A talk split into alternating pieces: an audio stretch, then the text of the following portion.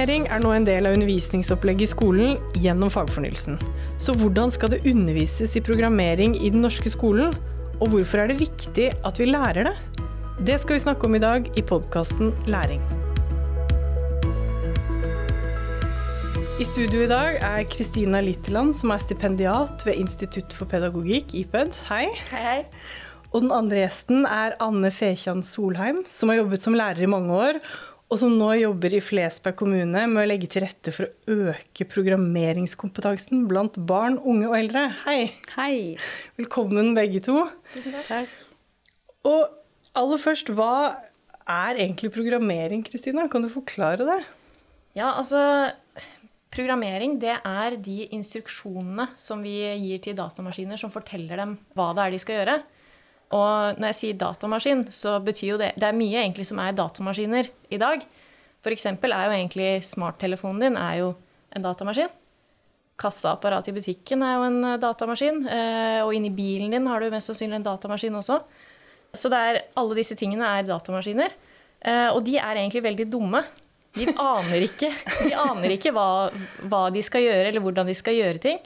Så det må man faktisk fortelle dem hvordan de skal gjøre. Og det er det som er programmering. At man forteller datamaskinen hvordan de gjør eh, ting. Enten det er eh, eh, å skrive ut kvitteringer i kassa, eller å eh, legge ut et bilde på Facebook.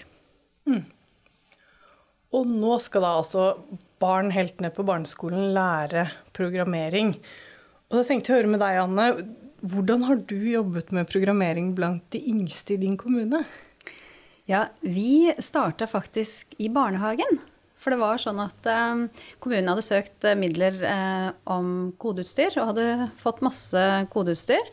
Og så sa IKT-veileder at jeg tror vi skal starte med barnehagen.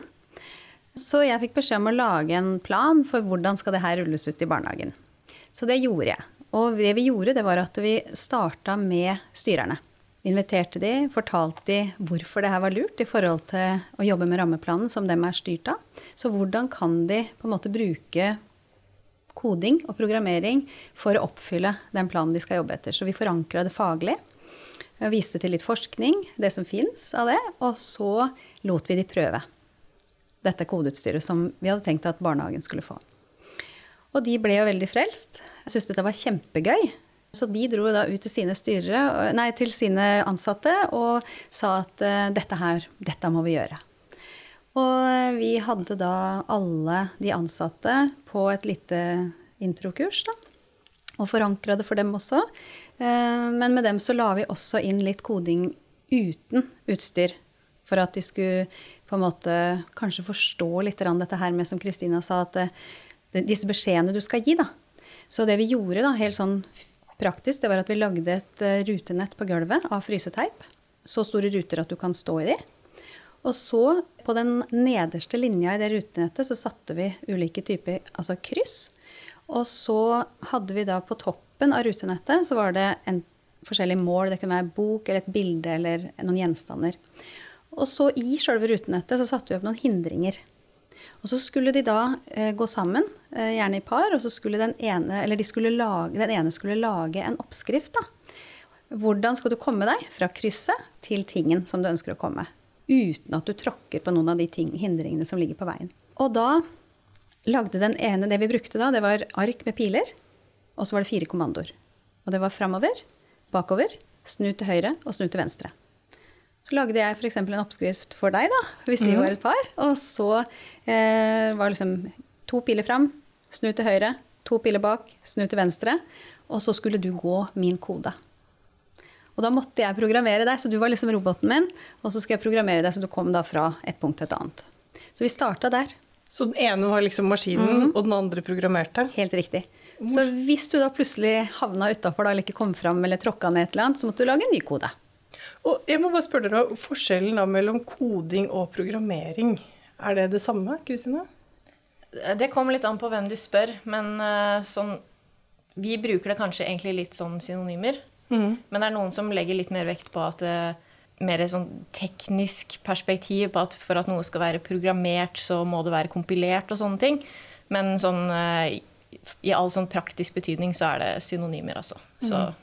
Og kompilert, hva er det for noe? Ja, Det er, eh, det er noe sånn veldig teknisk som, Ja. er, eh, som er hvordan man gjør om et program til et språk som en datamaskin faktisk forstår. Så det er, okay. det er litt, mer sånn, eh, litt mer avansert programmering, da. Ja. Så, det skal vi ikke så vi så mye trenger ikke snakke om det.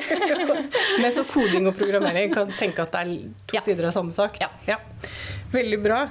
Men da når du Anne, jobbet med disse i barnehagen, da var det, altså når du snakket om det med rammeplanen og hvilke ferdigheter man skal trene, hva er det koding kan brukes til i barnehagen? Ja, for det er nettopp det at eh, når vi kom da ut i barnehagene, så var jo selvfølgelig de ansatte litt skeptiske.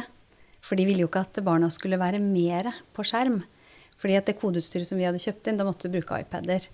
Så det vi snakka mye om, det var de ferdighetene som du sier, som du øver når du programmerer.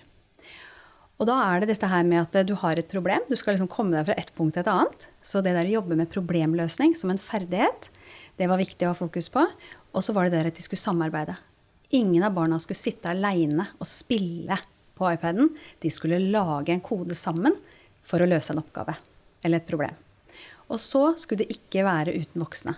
For de skal snakke om hva de gjør. For det er veldig viktig for at du skal på en måte øve disse ferdighetene så er det viktig at du snakker liksom om ok, kanskje vi kan gjøre det, kanskje Nei, det gikk ikke. Da må vi gjøre sånn. Og så Ja, men vi gjør sånn og sånn. Uh, sånn at det der diskusjonen på en måte rundt Og det var kanskje en av de tinga som gjorde at de ansatte ikke ble så redde kanskje for å ta det i bruk. Fordi at de skulle ikke være spesialistene. De skal lære dette her sammen med barna, stille barna spørsmål, være undrende sammen med dem. For det, det skal ikke være sånn at du skal jobbe med det, og så skal det, svaret være gitt. Du skal liksom komme fram til svaret. Så koding og programmering som en, et sånn virkemiddel for å jobbe med samarbeid og problemløsning. Og kommunikasjon Ja. og kreativitet. ja. Og det fungerte. Altså, jeg har ikke vært så mye ute og snakka med om Nei. det fungerte, og om de har blitt så mye flinkere, men det er jo en morsom måte å øve de ferdighetene på. Og det som også han så, da vi var på besøk i en, Før vi starta det her, så var vi på en besøk i en barnehage i Oslo som hadde holdt på en del med det her. Og det vi så som, når de holdt på, det var jo det at det, noen av de lagde jo utrolig lange sånne remser med piler og sånne oppskrifter, mens andre de hadde mer enn nok med å klippe ut pilene veldig pent. Ja. Mens noen måtte fargelegge de riktig. Ja. Så du kan jo observere ganske mye da, hvordan ungene på en måte løser disse oppgavene, og hvordan de klarer å samarbeide. Så det er mye sånn observasjon du kan gjøre òg Mm. for de ansatte. Og Kristina, nå skal du jo da undervises i programmering eller koding da, den, til norske elever. Og dette har jo kommet nå med fagfornyelsen, som kom i høst 2020. Men hvordan er liksom opplegget? Hva er tenkt rundt hvordan det skal undervises til norske elever? Ja, det er jo tenkt som en integrert del av andre fag. Eh, Og da er det sånn at det er mattefaget som har fått liksom hovedtyngden da, av programmering. Eh, Og det er i matte at elevene skal lære seg å programmere. Sånn at de da kan bruke det i andre fag, og også i matte. Eh, Og det er, det er jo faktisk eh, nevnt eksplisitt at elevene skal programmere i matte, naturfag og kunst og håndverk og musikk. Så det er de fire fagene hvor det er nevnt nå. Og da er det jo faktisk eh, litt ettersom hvordan man tolker kompetansemålene, så skal elevene faktisk starte med dette allerede fra andre klasse. Kanskje fjerde klasse, hvis man tolker det litt strengere. Så det er ganske tidlig de skal være i gang med dette. Da tenker jeg at det henger litt sammen med det som Anne driver med i barnehagen, at det her er noe man skal starte med fra ganske tidlig alder. Så de som har hatt litt i barnehagen, de, sånn, eh, de ligger jo et steg foran når de skal begynne med dette her allerede i andre klasse. Så programmering skal jo ikke være et obligatorisk fag for alle. Ik ikke et eget fag, altså? Ikke et eget fag, så det skal være mer som en metode man bruker i de andre fagene. Og det her er jo egentlig faktisk ganske sånn upløyd mark sånn internasjonalt sett, forskningsmessig. For der har man ofte sett på eh, programmering mer sånn rent programmeringsfaglig. Og veldig mye av forskningen er jo også fra høyere utdanning, eh, og ikke fra grunnskolenivå, da. Så vi vet egentlig ikke så mye om verken hvordan programmering foregår på skolen, men heller ikke så mye om hvordan det foregår som en integrert del av et fag. Da. Så det er litt sånn eh, vanskelig å vite hvordan dette her skal fungere. Og det er også vanskelig å hjelpe alle disse lærerne som skal i gang med dette her, for vi vet rett og slett ikke så mye om hva som fungerer og hva som ikke fungerer og sånne ting. Men sånn at hvis, vi, hvis, det er noen andre land vi kan sammenligne oss med, f.eks. England, der har dere undervist i dette lenger, og da har det vært et eget fag? Ja, det stemmer. Så i England så er det et eget fag som heter computing, som de har hatt i kanskje ikke fullt ti år, men noe der omkring. Og der har de også eh, jobba mye med opplæring av lærere. Det som er litt gøy der, er at eh, der har det vært et problem at etter hvert som lærerne har lært seg programmering, så har de blitt headhunta til private bedrifter og begynt å jobbe med utvikling i stedet. Er det sant? Ja, Så, så det viser jo litt, eh, litt, om hvor stort behov det er for denne kunnskapen i samfunnet. da. Og at det kan utarte seg på litt sånn eh, merkelige måter. Så, men det er jo også en annen tilnærming da, enn det vi har valgt i Norge. Men vi har fortsatt det samme, den samme utfordringen, av at vi har masse mattelærere nå som skal eh, lære elevene om programmering, og som kanskje egentlig ikke kan så mye om programmering selv. Og hva er liksom grunnene til at vi har valgt å gjøre det på en annen måte i Norge? Det er, eh, det er nok litt sammensatt. Det var jo en arbeidsgruppe som ble oppnevnt av UDIR for å komme med noen anbefalinger om hvordan vi skulle legge til rette for det med både sånn digitale ferdigheter og sånn i skolen, men nå spesifikt om programmering. Eh, og de mente jo at programmering burde være et eget fag. Men det skjedde jo ikke. Det er, det er mange grunner til at eh, ting blir som det blir, og det er ofte politiske og litt sånn praktiske grunner. F.eks. at det er stor stofftetthet i skolen. Og det er rett og slett en veldig tung prosess å få inn et helt nytt fag i skolen.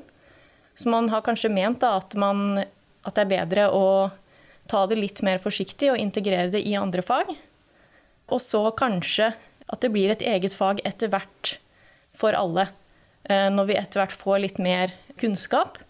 Både som lærere, men også litt mer sånn om, som samfunn om hvordan det her kan gjøres.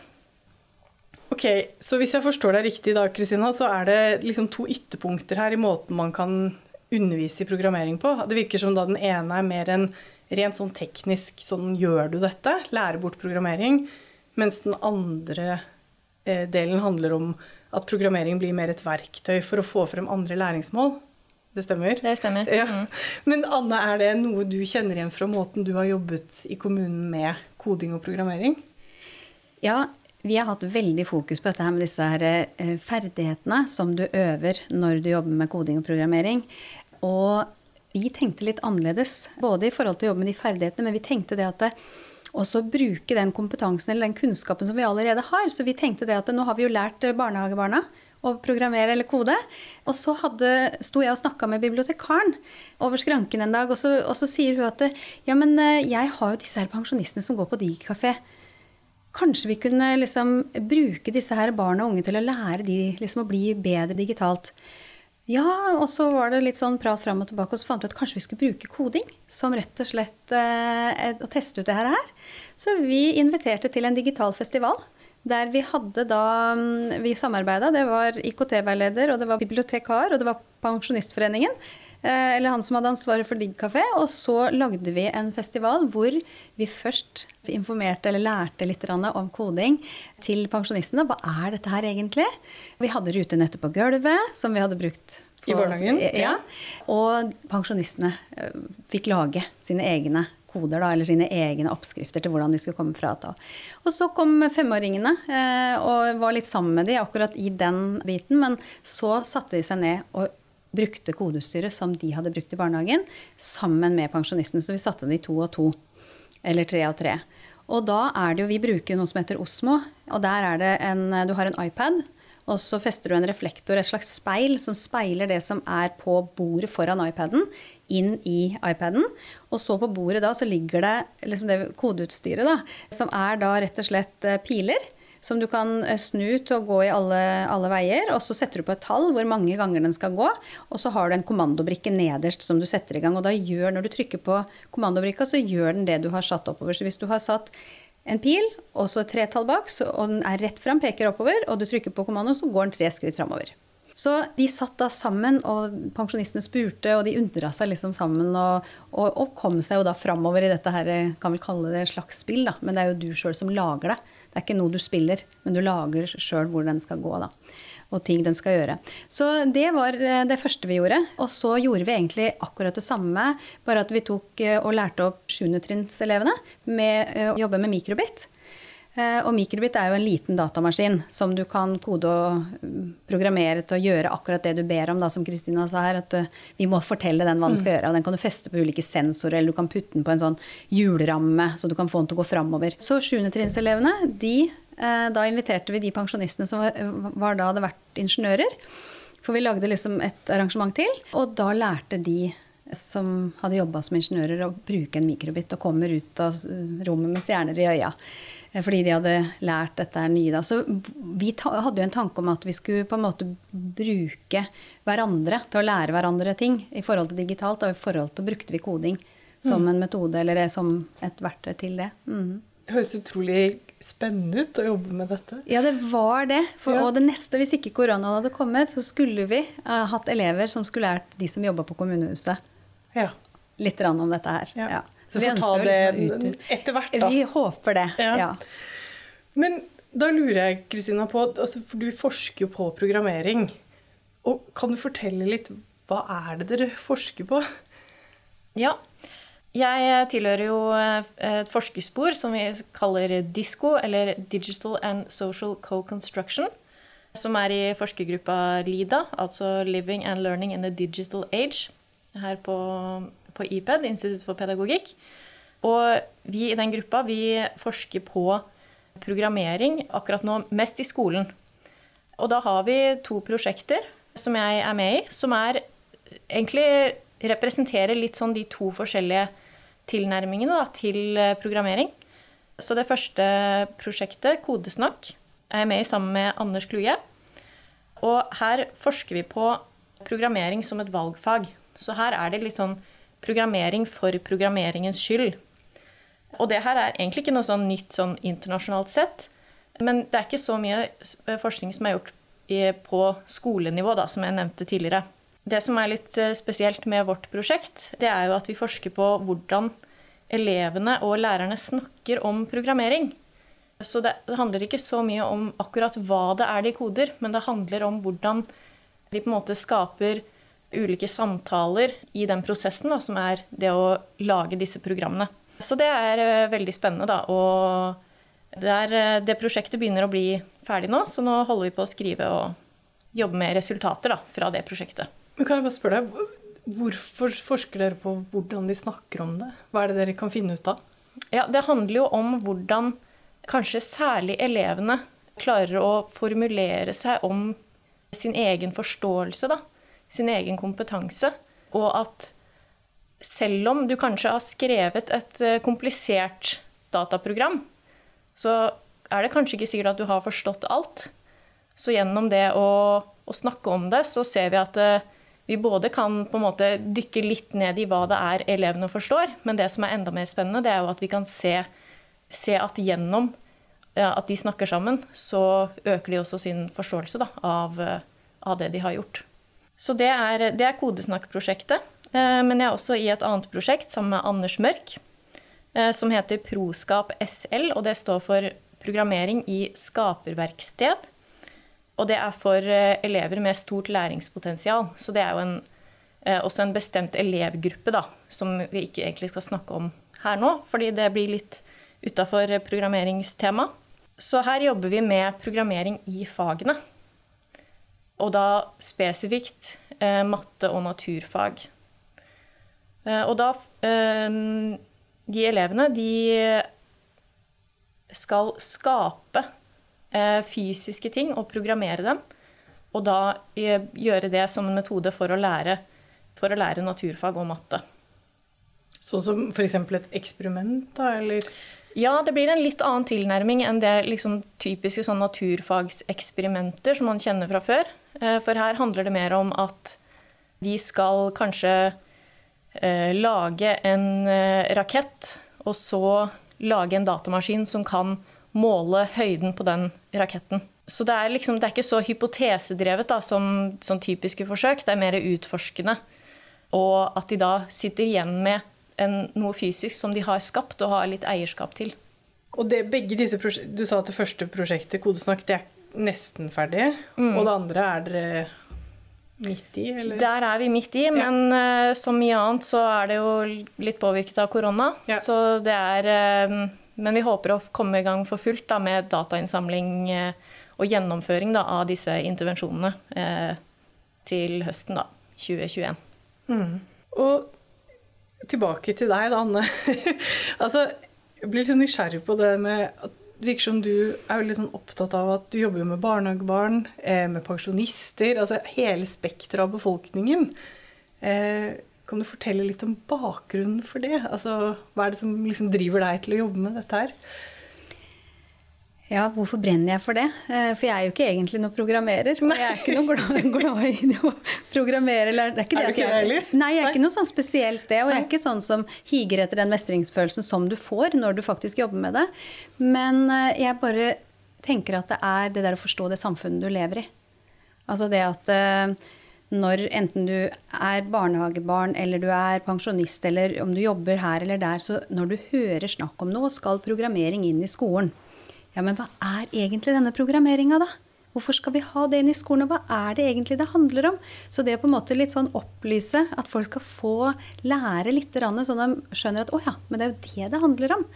Eh, sånn at når min mor da f.eks. Eh, på 75 har vært med på den digital festival, og eh, jeg spør skjønte du litt mer nå, eller hva det handla om? Jeg tror det, jeg veit ikke helt hva det er, men jeg tror jeg skjønte litt mer. Så det der å skjønne litt mer av hva det betyr, fordi at vi, som Kristina sa, da, vi omgir oss med Alt det digitale rundt oss er jo som regel koda på en eller annen måte. Og det å forstå litt mer. Altså når jeg søker på et søk på Google, og hvorfor kommer det opp det som Altså hvorfor kommer den reklamen? Eh, liksom rett etter jeg har bestilt en reise eller noe. Hvorfor, hvorfor, får jeg bare reisereklame rett etterpå da? Altså det å forstå litt hva er det som skjer i det samfunnet som vi liksom lever i, det digitale samfunnet. Mm. Det tror jeg er noe av grunnen til at uh, jeg brenner så for det. Mm. Få litt sånn aktive medborgere, rett og slett? da? Ja. Jeg tror det er litt sånn viktig for oss. At, at vi forstår litt, eh, i hvert fall i og med at det digitale kan være litt skremmende for mange. Fordi vi ikke veit helt vi skal, hva, hva, som skjer. Så tenker jeg at uh, kan gi oss litt trygghet på å forstå litt av det, uten at alle skal bli programmerere. Er det Kristine, noe av det samme som er begrunnelsen for at man skal lære elever eh, programmering og koding på barneskoletrinnet òg? Ja, det er jo mye av det. Så det handler om eh, en sånn generell ferdighet da, i samfunnet som man mener at alle skal ha. At det handler litt om demokrati og eh, ja, at alle må For at vi skal være aktive deltakere i samfunnet, så må vi altså kjenne til den delen av, av verden, da. Ja, for det blir jo litt sånn, altså Hvis vi ikke lærer barna på en måte å kode og programmere, så bare blir de jo konsumenter. Da blir det jo alle de andre landene da, som skal lage alt som vi skal bruke. Så vi må jo på en måte lære barn og unge til å på en måte produsere og lage ting sjøl. Og det var jo som han Simen Sommerfelt sa at, uh, i Lær kidsa koding, at uh, hvis vi ikke ikke eh, Hvis det er en, en, som ønsker å lage en app, da, og ikke han kan kode, så er det jo det samme som at du sier at eh, ungene skal skrive, et, skrive et eventyr, og så kan de ikke alfabetet. Så det er en, rett og slett litt basiskunnskap som kan være lurt å kunne for å være med og skape noe sjøl, og ikke bare for konsumere ting. Mm. Og så er det jo et begrep som jeg lurer litt på, som noen ganger dukker opp i forbindelse med koding eller programmering, og det er da algoritmisk tenkning. Kristina, kan du forklare hva er det for noe? Ja, Det er jo et begrep som alltid kommer opp når man snakker om programmering. Og det som er litt vanskelig med det, det er at det brukes litt sånn på forskjellige måter. Og det er ikke sånn egentlig én bestemt definisjon som brukes av alle på hva det er for noe. Så jeg tenkte å snakke og fortelle litt om de liksom ulike måter man kan bruke det begrepet på. Da. For eh, mange, også i Norge, snakker om algoritmisk tenkning som en sånn problemløsningsmetode. Som handler om bl.a. logikk, om mønstre, om algoritmer og abstraksjon. Så handler altså om en sånn generell problemløsningsmetode hvor man behandler Hvor man er litt opptatt av disse algoritmene, da, som er disse stegene man gjør i en oppskrift. Det som er litt interessant da, med denne definisjonen på algoritmisk tenkning, det er jo at datamaskiner er jo egentlig ikke nevnt i det hele tatt. Så spørsmålet er jo handler det her egentlig om digitale ferdigheter og bli digitale produsenter, når det ikke er nevnt i det hele tatt. Så noen syns jo at denne definisjonen på en måte blir både for brei, men også for snever. Fordi det blir liksom Det er veldig mye som handler om logikk og mønstre og algoritmer og abstraksjon. Eh, men også at den blir for snever ved at den f.eks. ikke nevner noe digitalt i det hele tatt. Men også at den ignorerer en del sånn andre perspektiver som er ganske viktige i vårt samfunn. Bl.a. sosiale sider ved problemløsning, miljømessige osv. Så, videre. så det er en ganske vanlig måte å snakke om det begrepet på. Eh, men det finnes jo en litt smalere tolkning også. Og det er um, Peter Denning, som er en forsker, han uh, sa i 2017 at algoritmisk tenkning i en sånn litt sånn smalere tolkning, det handler om å utvikle komputasjonelle modeller. Og det kan være f.eks. en digital modell av et værsystem. Og så utvikle programmer som gjør at man kan teste ut ulike teorier i denne modellen. Så det handler om egentlig å bruke datamaskiner som en forskningsmetode for å utforske helt konkrete forskningsproblemer. Eh, så her er det en veldig tydelig kobling da, mot fag. Men her er jo et annet spørsmål. Er vi egentlig opptatt av å lage digitale forskere? Eller er vi mer opptatt av å lage eh, Altså skape eh, digi generell digital kunnskap, da. Så det er liksom ytterpunkter, og det er eh, Jeg tror nok mange befinner seg kanskje et sted midt imellom disse. Eh, men jeg tror det er litt viktig å, å snakke litt om det, fordi det at det er forskjellige måter å tolke det her på, blir ofte litt sånn ignorert. Mm, så man liksom bare snakker om det og antar at man snakker om det samme? Ja, det er litt sånn. Og så kanskje du kommer på et seminar en dag hvor de bruker én tolkning, og så neste dag så det, snakker de om det på en helt annen måte. Og er dette også et begrep som er inni fagfornyelsen? Det er eh, nevnt i fagfornyelsen, ja. Eh, og der er det litt sånn nevnt som en sånn generell problemløsningsmetode som egentlig ikke er kobla mot digitale ferdigheter. Da. Mm. I hvert fall ikke eksplisitt. Jeg blir bare litt nysgjerrig, fordi Algoritmer er, det er vel et begrep som i utgangspunktet har kommet etter datamaskinenes inntog i verden? Eller eksisterte det før datamaskinene? Eh, det eksisterte før. Okay. Eh, så det er jo F.eks. i matematikk så bruker man jo algoritmer for, for å eh, løse Hvordan du løser en Å gange sammen to tall, f.eks. Så har du en bestemt måte å gjøre det hvis du gjør det på papir. Det er jo en sånn typisk algoritme som man bruker i matte. Det er litt gøy det med det at vi bruker det algoritmebegrepet. Fordi det engelske begrepet for algoritmisk tenkning, det er jo computational thinking. Så der klarer man kanskje å favne litt mer da, i selve begrepet enn i det norske, hvor det blir veldig mye fokus på de algoritmene. Mm. Og jeg har jo sett blant mine egne studenter at uh, det er noen som, uh, som tenker at eller oppfatter at algoritmisk tenkning handler om at programmering er en algoritmisk sånn steg-for-steg-prosess. At det å utvikle en kode, det er en sånn uh, Først gjør du det, så gjør du det, så gjør du det, og så får du et program. Uh, men det er jo ikke det i det hele tatt. Å utvikle programmer er jo en veldig sånn kreativ og utforskende prosess. Så det er, mye, det er noen sånne utfordringer med det begrepet som jeg håper at vi kan snakke mer om i fremtiden. da. Mm. Kanskje de kan ta det med inn i undervisningen? Ja. er det ønske, avslutningsønske fra deg? Ja. ja. Og, og, du da, Anne, er det noe du Nå nærmer vi oss slutten. Er det noe du har lyst til å liksom komme med råd eller innspill til de som hører på? Vi hadde jo litt sånn For å forklare hva en algoritme er, så sammenligna vi det med en oppskrift. Enten en bakeoppskrift eller en strikkeoppskrift. Altså for å forstå det litt. Og hvis du skal ha det resultatet som du ser på bildet, hvis det er den genseren du skal ha, etter det mønsteret, så må du følge eh, mønsteret. Du må følge oppskriften for å få det resultatet du vil ha. Men jeg vil jo si, hvis jeg skal si noen sånn tips og råd, da, så tenker jeg jo det at det, det handler om å være modig. Det handler om å være nysgjerrig. Eh, for jeg er egentlig ikke noe sånn opptatt av programmering, men jeg er nysgjerrig på det. Eh, så det der å pirre nysgjerrigheten, både fra skolelederperspektiv, at det pirrer nysgjerrigheten blant de ansatte. Eh, sett opp et eller annet kodeutstyr, la de få prøve. Og det å tørre å ta det i bruk. fordi at når du jobber som lærer, så er det veldig det er skremmende å ta i bruk ting som ikke du vet fasitsvaret på. For programmering handler jo ofte om at du skal finne en eller annen løsning, og så kanskje ikke du veit svaret. Så jeg tror det der å være modig og, og tørre å ta det i bruk uten at vi er ekspertene, Eh, men at vi lærer sammen med ungene, det tenker jeg er det aller, aller viktigste. Eh, og oppsøk gjerne kodeklubb, eller oppsøk miljøer som holder på med det. Grupper på Facebook. altså Det er jo så masse miljøer for dette med koding og programmering. Eh, og gå sammen flere. Ikke hold på med det her aleine.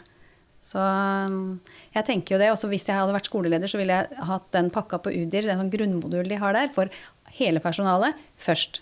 Sånn at ikke det er noe sånn skremmende og at det bare handler om matematikklære eller fysikklære, men faktisk vi har en plikt på å alle vite hva det er for noe. Mm, takk.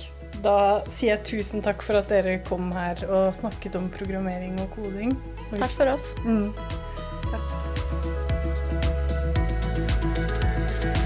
Takk for at du hørte på denne episoden. Mitt navn er Elise Koppang Frøyd, og jeg har sammen med Ulf Grefsgaard gjort research for denne episoden. Shane Colvin har vært produsent. Du kan få mer informasjon om podkasten vår ved å følge Det utdanningsvitenskapelige fakultets Facebook-side. Vi høres!